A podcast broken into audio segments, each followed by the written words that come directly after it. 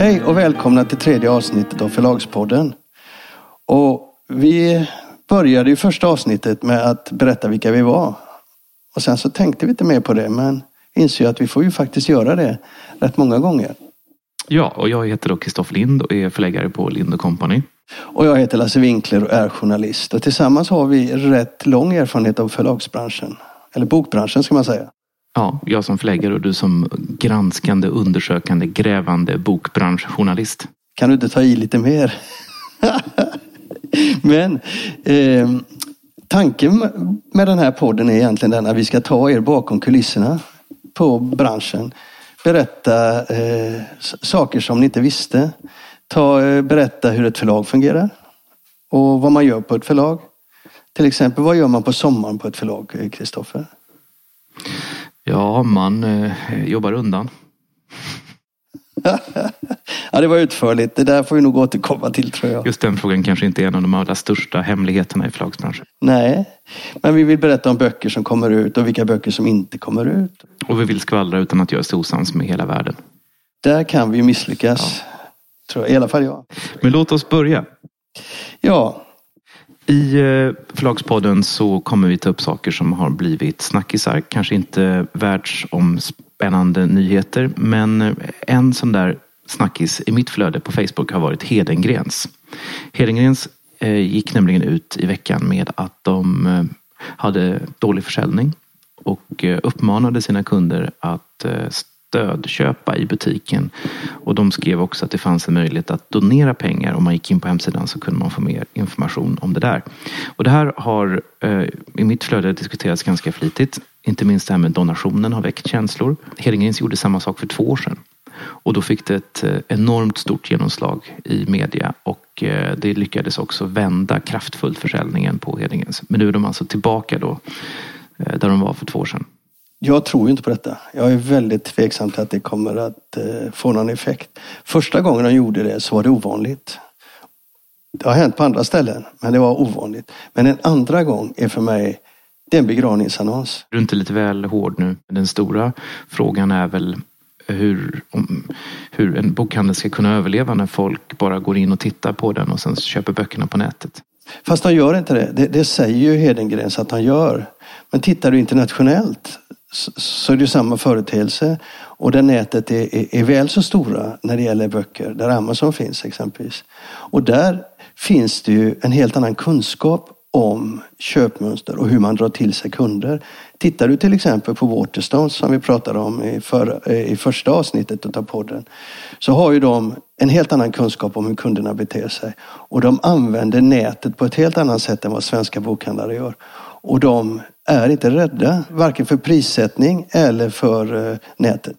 Allt det där är naturligtvis sant men nog kan du inte komma ifrån att de övergripande trenderna har ju varit att det skett en väldigt stor förflyttning av försäljning från fysiska butiker till nätet. Och i den här omvandlingen, det här, här skiftet av, av eh, försäljning så har den stora, välsorterade, eleganta bokhandeln på Fina gatan klarat sig väldigt dåligt.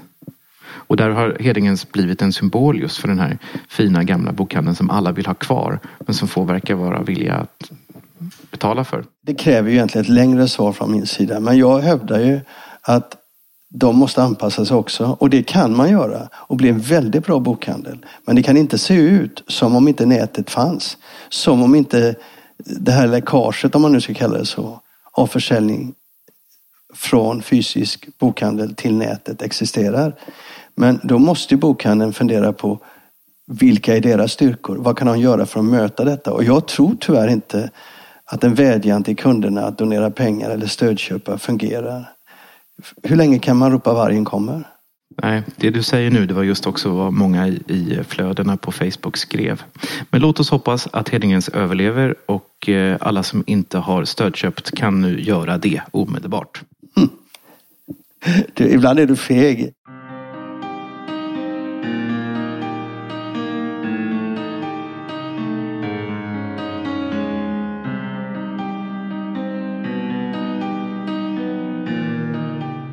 Förra avsnittet av Förlagspodden så avslutade vi med att berätta om en bok som hade blivit en storsäljare. Som kom från ingenstans. Och vi lovade att vi skulle berätta vilken bok, eller rätt sagt du skulle berätta vilken bok det Ja, är. jag skulle berätta vilken bok det är. Och eh, eh, det är då Ensam i Berlin av Hans Fallada som skrevs under två månader i Berlin 1946. Precis strax före hans död. Och eh, det är ju mycket ovanligt att en bok skriven av en, en tysk författare som har varit död i nästan exakt 70 år går upp på bestsellerlistorna och blir en sån, sån, sån enorm, enorm framgång. Det här är ju verkligen en solskenshistoria som saknar like. Vi började med att trycka 1500 ex av den här boken. Och nu är ni uppe i exakt. Vi har givit ut flera titlar av Hans Fallada men Ensam i Berlin som är den första och den som har sålt bäst är uppe i 90 000 ex som jag räknar fysiska exemplar. Och eh, merparten av det är givetvis pocket men är otroliga siffror. Mm.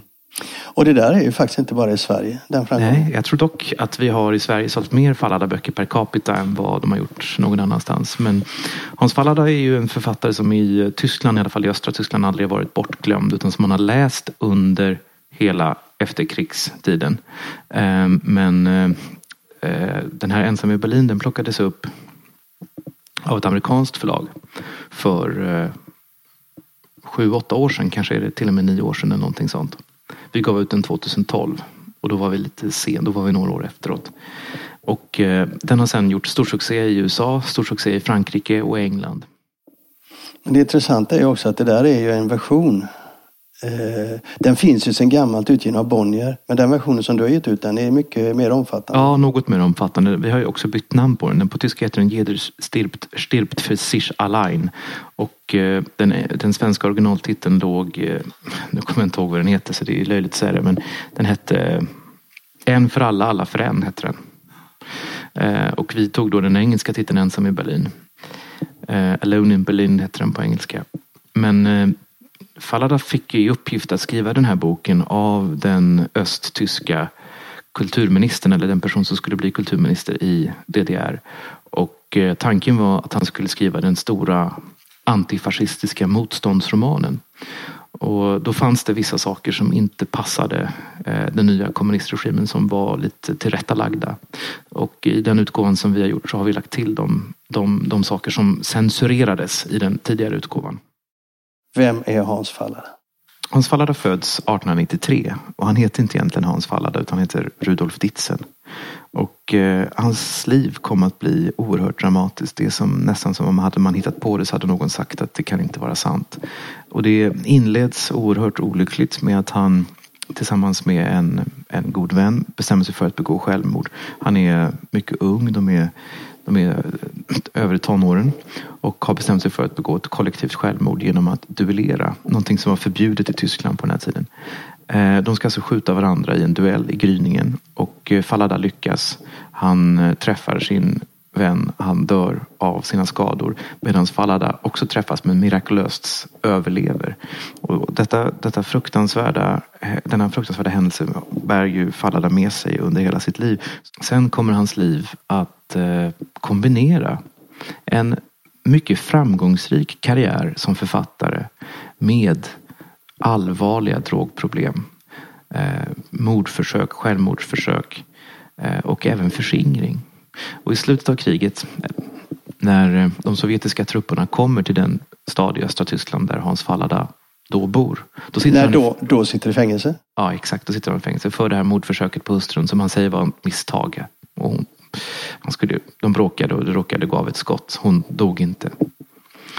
Och då gör, han, då gör, då gör alltså de sovjetiska generalerna honom till eh, borgmästare i den här staden som, som lider svårt av skadan efter kriget. Och Hans Fallada, som då var morfinist och intellektuell, en intellektuell morfinist, han ska då ha hand om vattenförsörjningen och eh, elförbrukningen och det går käpprätt åt helvete. Han hamnar i Berlin och där fångas han upp av eh, den person som sen kommer bli kulturminister i DDR. Och eh, de gör honom till Alltså de tar honom till sig. Han får ett hus i, eh, i eh, Weissensee. Och eh, de ger honom en sann historia som utspelar sig i Berlin under kriget och säger du ska skriva den stora antifascistiska motståndsromanen. Men hur hittade du boken överhuvudtaget? Ja, som så många gånger så är det en tillfällighet. Jag befann mig i, i London. Det var 2011-2012 och såg att eh, boken lyftes fram väldigt stort där. Den hade återutgivits av Penguin eh, som hade gett ut den i sin klassikerserie och den hade också utkommit i USA och i, i, eh, i Frankrike, alltså återutgivits. För Hans Fallada var ju för en ganska etablerad författare i de här länderna på sin, under sin tid. Och då tipsade jag min kollega Um Palm som är den på förlaget som köper översatt skönlitteratur. Så det är egentligen hon som ska äras. För jag hade inte ens läst boken, tyckte bara att det här verkade spännande. Och då läste hon den och upptäckte att det var en fantastisk bok och köpte den. Men ni, ni började med, om jag inte minns fel, ni började med att trycka den i 1500x. Så ni kan inte ha trott på den speciellt. Nej, det är riktigt. Alltså det här var väl en bok som vi gav ut med hjärtat snarare än med, med hjärnan. Det var eh, en, en, en bok som vi betraktade som en klassiker. Och eh, den var på 500 sidor och den var ganska dyr. Eller nästan 600 sidor och den var ganska dyr. Och den där typen av böcker är ju mycket svårsålda. Så att 1500 exemplar bedömde vi som en rimlig upplaga för en inbunden bok. Du blev förvånad när den började sälja. Ja, alltså det gick ju gradvis. det där var en fråga alltså. Blev du förvånad när den började sälja? ja, det, annars hade vi tryckt betydligt mer. Varför gillar folk Fallada idag? Ja, det är en bra fråga för att man har ju inget svar utan man bara famlar efter olika förklaringsmodeller. Jag tror att svaret ligger i att Fallada är en enastående berättare. Han är någonting så ovanligt som en tysk Dickens. Han har alltså en, en fantastisk förmåga att skildra människor. Och hans litterära kvaliteter ligger som någon har påpekat kanske inte så mycket i stilistiken, i hans sätt att skriva som i hans sätt att berätta. Det tror jag är huvudförklaringen. Sen så tror jag också att det finns någonting som känns väldigt angeläget med den tid som han skildrar. Eh, den här boken, Ensam i Berlin, utspelar sig under kriget i Berlin. Och det är en, en intressant period och jag tror också att den boken, just den här boken har lyckats slå igenom idag så stort. För att vi idag kan förhålla oss på ett annat sätt med distans till andra världskriget. Det här var nog inte en bok som jag tror att man kanske i Tyskland på 50-60-talet kunde ta till sig på samma sätt som idag. Jag är uppvuxen med den här eh, ständiga frågan, hur kunde det hända? Och eh, jag tror att svaret på den frågan har ändrat sig i olika tidsperioder. Och just nu när vi upplever en sån situation som vi gör i världen idag så tror jag att vi på ett annat sätt ställer oss frågan och vill förstå hur det kunde hända. För boken handlar ju om detta. Hur kunde det hända? Det vill säga i vardagen. Varför, varför gjorde folk som de gjorde? Mm. Och hur kunde man leva med det? Och hur gick det till? Jag menar, jag kan ju sitta idag och fundera när jag ser saker som händer, till exempel i USA. Men hur, hur snabbt gick det här? Och hur kan det hända så snabbt? Och hur kan man bryta så många barriärer så fort? Så är det ju. Det är ju mycket så. Det är en bok som framställer det tyska folket som offer men det är också en bok som framställer den lilla människans motståndshandling som någonting viktigt och meningsfullt. Ja, jag, jag, jag tänker när jag läser den där att, att just vardagslivet och, och eh, att, att förstå vad som kan hända och förstå hur den här ondskan kan växa fram. Jag tror att det är jätteintressant idag att läsa. Det där blir ju en framgång. Det var den första boken du gav ut. Mm. Men sen har du valt att ge ut i stort sett allt. Oh nej, han var en otroligt eh, produktiv författare och även väldigt översatt. Mycket av det han skrev kom ut i Sverige. Allt har utgivet på Bonniers. Eh, Men vi har återutgivit, eller vi har nyöversatt eh, hans mest kända bok. Nämligen Pinnebergs. Hur ska det gå- med Pinnebergs? Och sen har vi också givit ut en mästerlig roman som utspelar sig i Weimarrepubliken som heter Varg bland vargar. Anses vara hans bästa. Och så har vi också eh, översatt för första gången till svenska hans fängelsedagbok. Men det är någon mer va? Det där var fyra. Du har gett ut några till eller? Nej. Det var väl bra. Det var väl bra det.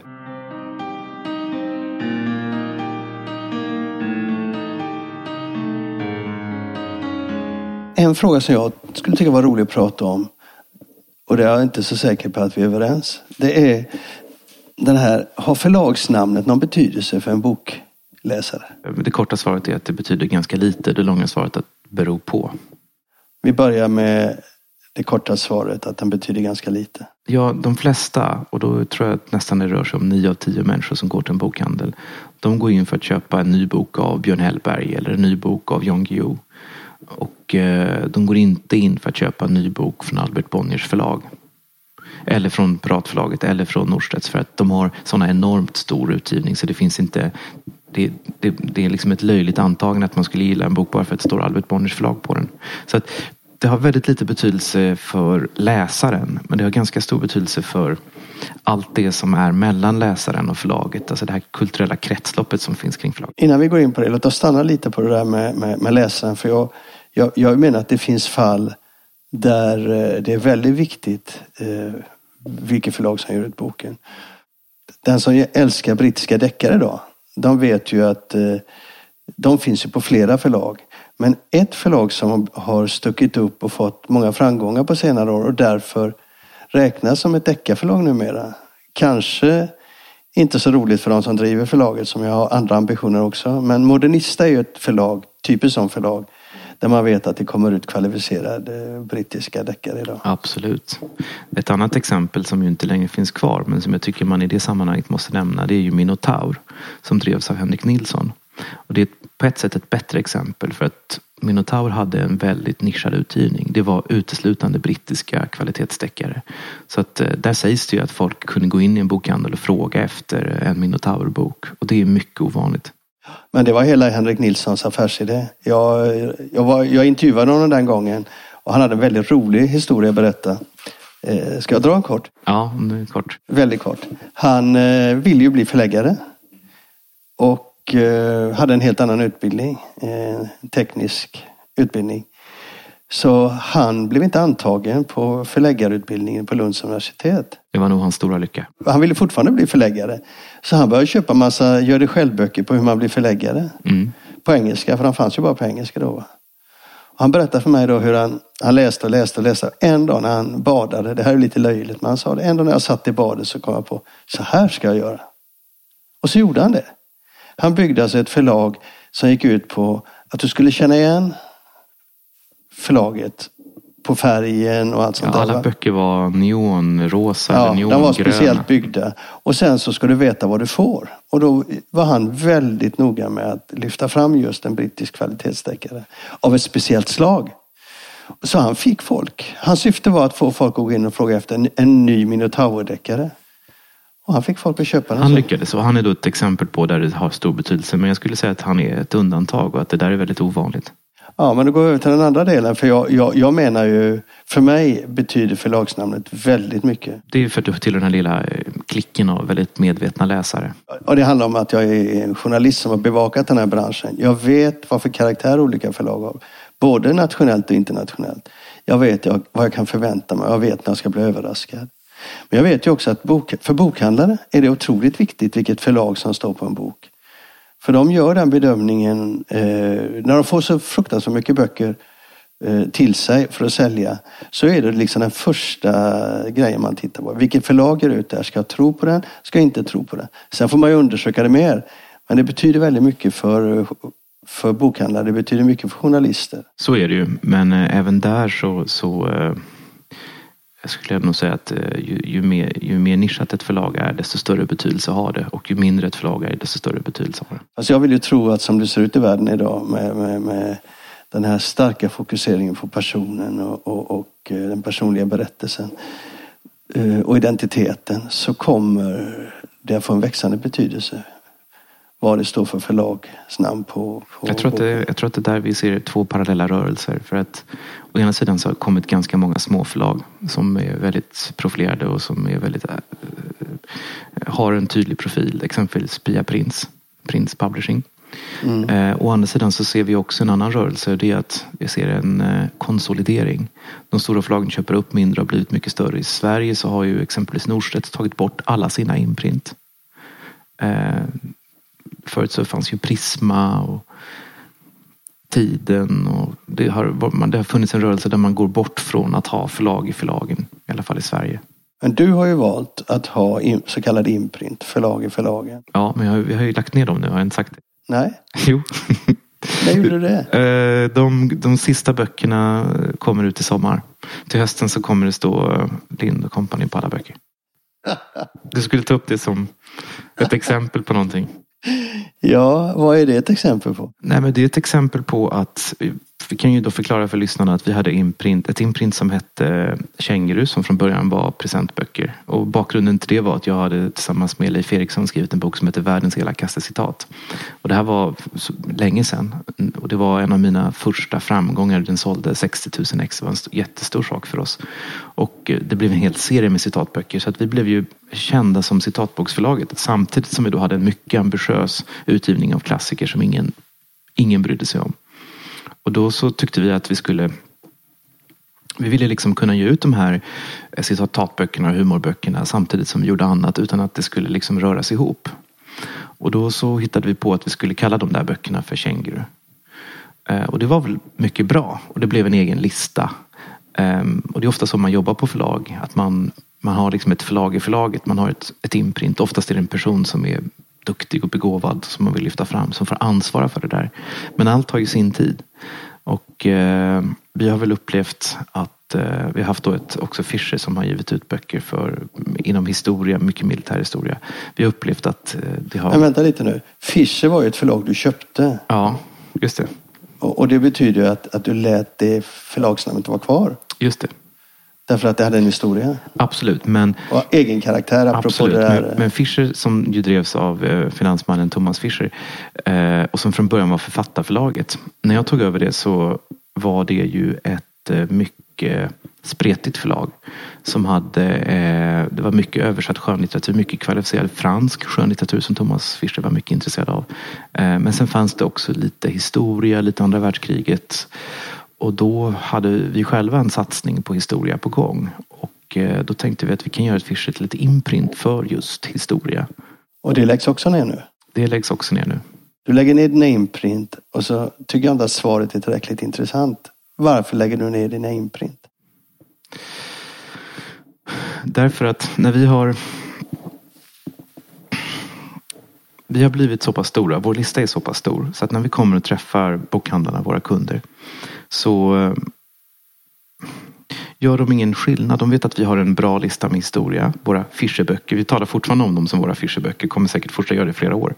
Eh, de vet att vi har en bra lista med barnböcker. Det är våra känguruböcker. Det har också skett en förändring. Alltså från att ha varit humor så har, har känguru blivit barnböcker. Och sen så har vi allt, allt det andra.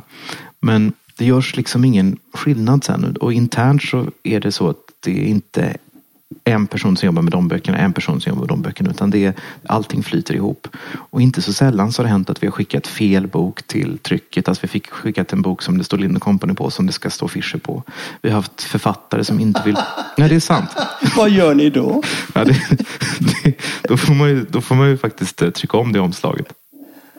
All right, okay. Men vi har, jag har också haft eh, författare som då kommit ut på Fischer som, som, som inte vill komma ut där för att jag är deras förläggare. Det står Linda Company på förlagets husskylt och eh, eh, många känner inte till Fischer och Company längre medan Linda Company är mer känt. Eh, och det har vi också upptäckt att eh, de här imprinten som en gång i tiden var syftade till att, att profilera olika nischer i förlagets utgivning har idag snarare att idag snarare kan hos oss finnas ett, en, en poäng att visa, titta vi är så här stora. Så här många böcker ger vi ut. De där böckerna är också våra. Man kanske ska säga det där eh, också då att det här med att bygga imprint. Det är, går ju i vågor. Att jobba med imprints, då, olika förlagsnamn i förlaget, är ett sätt att vara kreativ. Men det kräver ju att du har en kreativ förläggare eller redaktör som driver och, ehm, och, och, och allt all kreativitet kan, måste ju vara liksom ständig förändring och förnyelse. Så det finns ju inget självändamål i att fortsätta. I det här sammanhanget kanske vi ska säga att, att uh, Albert Bonniers förlag ju uh, lägger ner eller uh, avvecklar Wahlström och Vitstrand som ett eget förlag. Det ska bli ett imprint under Albert Bonniers förlag. Ja, det där måste vi få, kommer vi återkomma till. Ja, men vi måste nämna det i sammanhanget. Ja, kanske vi inte måste, men nu gör vi ju det i alla fall. Detta apropå den ursprungliga frågan, spelar förlagsnamnet någon roll för läsaren? Och då hamnade vi här till slut. Då hamnar vi här till slut. Och så avslöjar du att du tänker lägga ner imprinten. Ja. Där ser man. Eller vad man nu gör.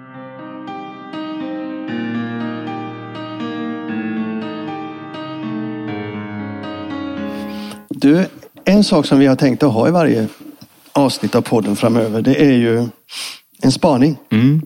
Det kan vara du, det kan vara jag. Eh, spanar trender eller spanar eh, nya böcker eller vad som helst. Den här gången har jag tänkt att ta en rätt kort spaning. Mm. Jag är ju sån när jag Får läser... se om du kan lyckas. Ja, det är inte säkert det lyckas.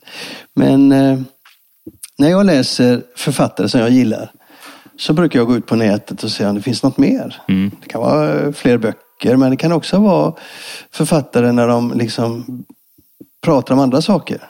Eh, det ger mer färg för mig. Det ger också med mig kunskap om författaren och bakgrund. Så jag brukar gå ut och lurka på nätet. Och en sak som jag har märkt som är helt värdelöst.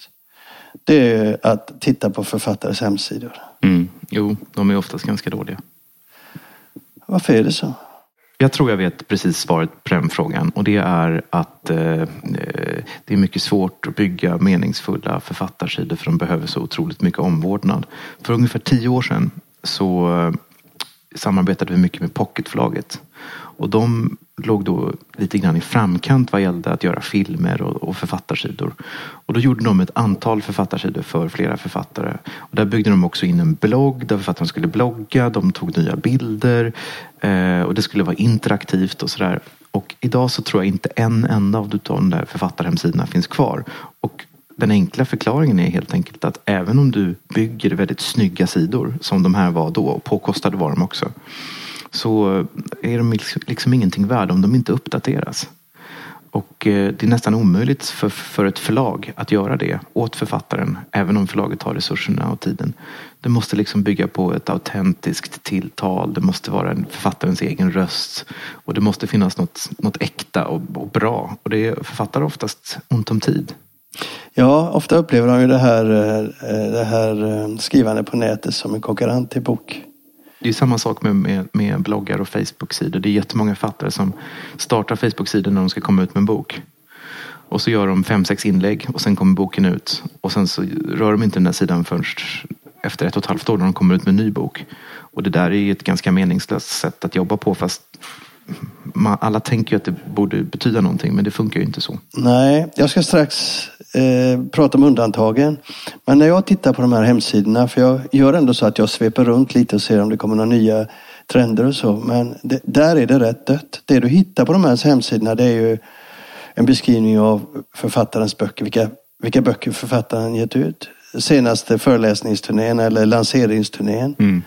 Och ibland en, en, en eh, en skivlista, alltså låtlista. När jag skrev den här boken så... På Facebook är det också ganska vanligt, jag tycker att det är rätt tröttsamt, att författare lyfter fram olika topplistor. Ja, Eh, Och även om det är roligt att se att deras böcker säljer så är det inte därför man läser dem. nej, det är väldigt vanligt. Men de flest, många författare som jag har i mitt flöde, de, de, De väldigt- tror att det fungerar. de, ja, de tror att folk går på det. Ja, jag, tycker, alltså jag blir bara avtänd. Sen är det, alltså det är tre saker som förlag, ofta är det ju förlagen som gör de här officiella hemsidorna. Det är boklistan, Mm. det är lanseringsturnéerna och det är de positiva recensionerna. Och tilltalet är ju så officiöst och rätt könslöst. Så jag går in en gång, kanske två gånger och sen skiter jag i det. Mm. Däremot så brukar jag gå runt, lurka runt och titta på bloggar. Alltså jag brukar slå upp namn som jag följer, läser, författare som jag gillar och titta om de bloggar. Och då märker man ju saker som är rätt vanliga. Det är ju att de börjar blogga och kan vara jättespännande bloggar. Och sen så ser man när man tittar, ja men det är två år sedan de skrev sist. Va? Men det finns några undantag som ska ta. Tyvärr är det eh, Fattar vi aldrig hört talas om. Nej, jo, ja, ja det, det är inte i huvudsak amerikaner, men det är engelskspråkiga författare. Men det är några som har fantastiskt roliga bloggar då. Ursula Guin, Le Guin.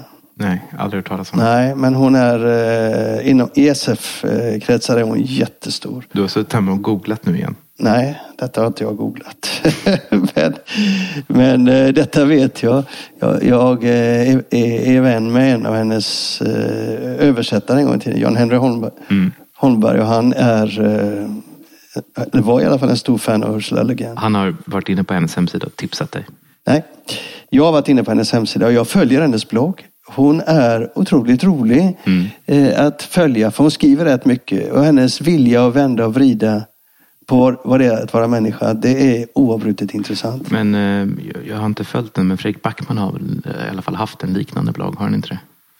Ja, det har inte jag heller följt. Men jag, Fredrik Backman är rolig för han gjorde en intervju med sig själv på en amerikansk sajt som är bland det bästa jag har läst och jag trodde aldrig man kunde göra en intervju med sig själv att den är bra. Nej, Men den var jädrigt bra. vi kan inte ens intervjua varandra. Nej. En annan som är väldigt bra, det är, har en bra blogg, det är Adrian McKinty. Han är ju nordirländare eh, och skriver deckare kan man kort uttrycka det. Och bor i Australien. Han har en blogg där han vrider och vänder på sin egen populärkulturella bakgrund och vad han gillar och inte gillar. Han kan komma med de mest fantastiska inspel. Han har, han har jättestort självförtroende. Han är kaxig när han skriver där. Men han är oavbrutet rolig att läsa.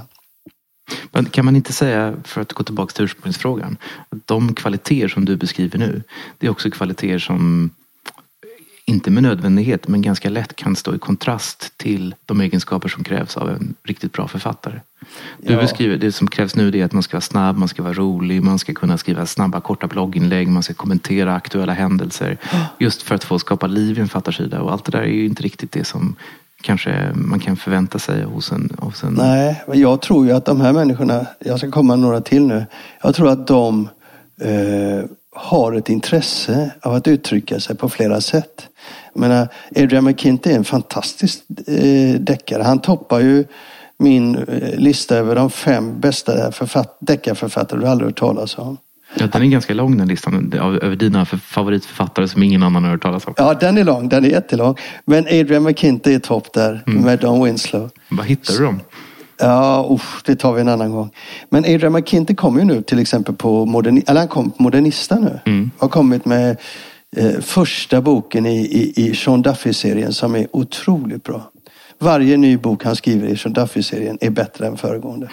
Vad nu i har du fler kom- namn på din lista då? Vad sa du? Vad har du för fler namn på listan? Eh, här har jag Bruce De Silva. Han kommer inte på svenska. Eh, gammal journalist. Är det någon som någon har hört talas om? Man borde höra talas om honom. Ja, det kommer en till. David Simon. Mannen bakom The Wire och Tremay. Men honom känner vi till. Ja, han har en, en, en hemsida. Han skriver inte så ofta, men varje gång han skriver så är han oavbrutet intressant. Och han har en otroligt ödmjuk, men samtidigt stark röst. En sån där röst, du vet, där vill jag prata mer med. Den typen av människa. Som är, som är spännande, som du gillar att lyssna till. Och det är hans hemsida där. Men, så det, där är fyra. Det femte är ju då det självklaraste namnet av dem allihop.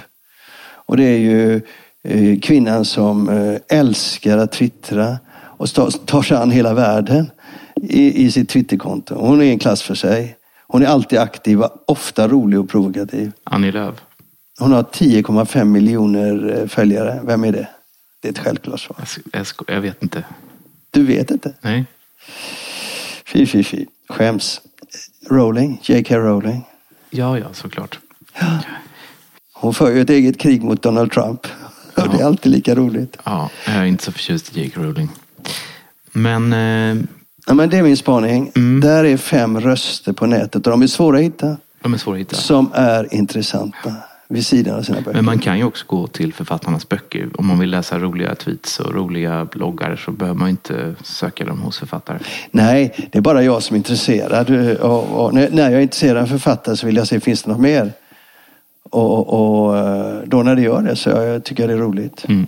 Men jag fattar varför de inte gör det, författare i allmänhet. Jag förstår att det är rätt jobbigt. Och är man inte, gillar man inte att göra det överhuvudtaget så självklart. Det var min lilla spaning i alla fall.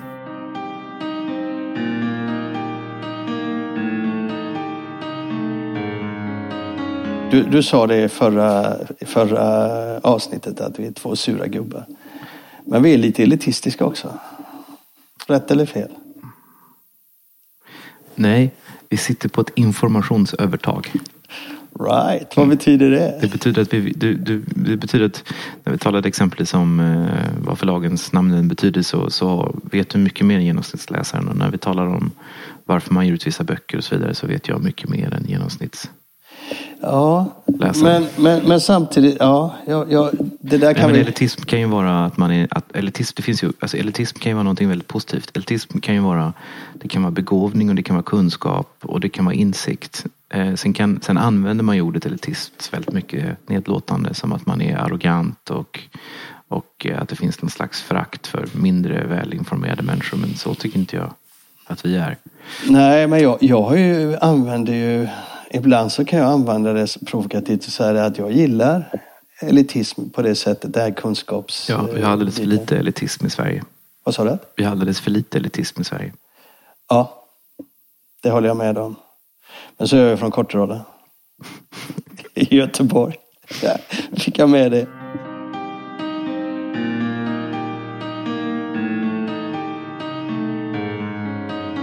Nu är det dags att avrunda det här avsnittet av Förlagspodden. Men vi kommer tillbaks och nästa gång så ska vi prata om några av mina största misstag som förläggare. Right, det ska bli eh, intressant. Jag ska inte säga right, jag säger det för mycket. Det blir alltså ett långt avsnitt. Nej, vi ska också prata om några andras misstag. Ja, men vänta lite nu. Det blir ännu längre avsnitt. Ja, nej, men vi ska inte bara tala om misstag. Men eh, det hör ju till eh, förläggarlivets realiteter att man förr eller senare tackar nej till eh, saker som hade kunnat göra en ekonomiskt oberoende För resten av livet. för resten av livet. Ja, och vi ska ändå inte prata om Pippi Långstrump. Nej, för den är alldeles uttjatad vid det här tillfället. Så är det. Eh, tack för den här gången då, får man väl säga.